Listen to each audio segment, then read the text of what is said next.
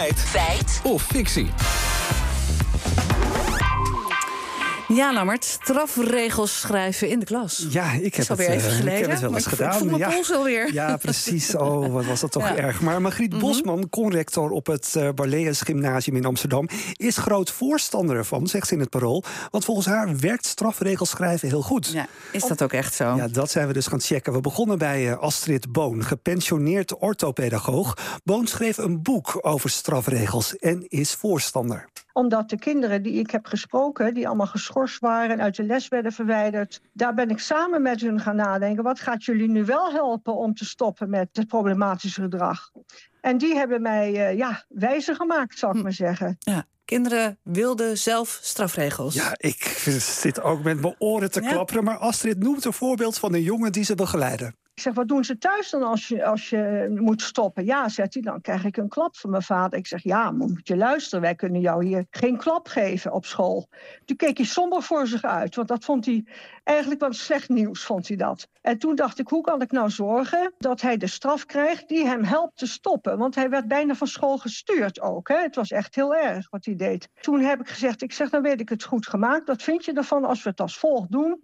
Als jij weer de meisjes zo eh, bang maakt, dan ga jij honderd keer opschrijven: ik mag niet dat en dat te zeggen tegen de meisjes, want zo maak ik de meisjes bang. En dan moet thuis, moet jouw vader moet dat ondertekenen. En toen keek hij mij aan, opgewekt aan. Toen zei hij, ja, ik denk dat dat wel helpt, zei hij. Ja, en het werkte. Ook onderwijsdeskundige Sophie van der Waard ziet wel wat in die strafregels. Die gaan gewoon zo ver als dat de grens is. En als je dus weinig grens geeft, dan worden kinderen juist grenzeloos. Dus ik denk dat het heel goed en veilig is voor kinderen om af en toe inperking te voelen door concrete acties. En zoiets vervelends als strafregels schrijven. Ik denk wel dat als het af en toe eens nodig is, ik heb daar absoluut geen pedagogische problemen mee. Overigens, belonen werkt over het algemeen fijner en gezelliger en positiever dan straffen. Dus dat is wat je eerst probeert natuurlijk. Oké. En Zijn er ook tegenstanders van strafregels? Ja, orthopedagoog Carine Kielstra bijvoorbeeld. Nee, ik denk niet dat dat goed werkt. Ik vind dat ook eh, niet zoveel zin hebben. Het idee achter straf en strafregels is eigenlijk om iemand iets negatiefs te laten doen, iets herhalends, maar daar leert een kind niks van.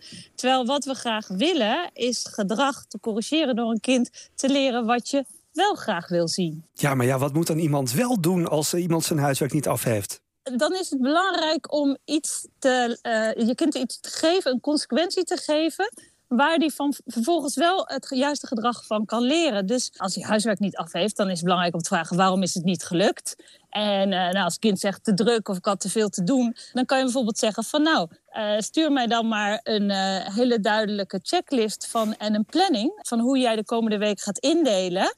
En eh, hoe jij dan wel je huiswerk daarin inpast. Daar leert een kind van, want die leert dan beter te plannen. Oké, dus uh, daar zijn ze niet zo voorstander van. En de andere sprekers wel. Maar dan gaan we even terug naar die zinnen zelf. Hè. Nou, Ja. uh, de strafregel uit mijn middelbare schooltijd... Ja. was van meneer Frank, leraar klassieke talen. Die zei...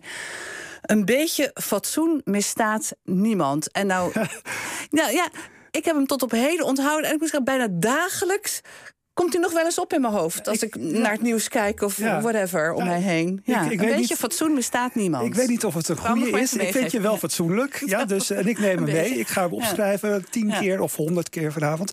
Maar dit is wel een goede strafzin. Ik hou op met medeleerlingen bijnamen te geven. Ook niet als grapje, want sommige leerlingen vinden dat niet leuk. Voortaan geef ik alleen in eigen vriendengroep bijnamen... als ik zeker weet dat mensen dat leuk vinden. Nou, het is een hele mond vol. Maar waarom dat nou een goede strafzin is... vertelt Astrid Boon. Je zegt eerst, het onwenselijke gedrag staat erin beschreven, gevolgd door een uitleg waarom dat gedrag onwenselijk is. En dan het tweede deel, oplossingsgericht, bestaat uit een helpende suggestie, hoe je zich voortaan beter kan verdragen en wat daar de voordelen van zijn. Oké, conclusie. Strafregels, werken die goed? Nou, het is eh, duidelijk, de meningen over strafregels schrijven verschillen. Voor de, de een is dus voorstander, de ander pakt het liever anders aan. Ja, we kunnen dus niet stellen dat het niet werkt, zeker als het een goede zin is. Maar ja, daarmee, eh, ja, we komen dan toch uit op een feit. Oké.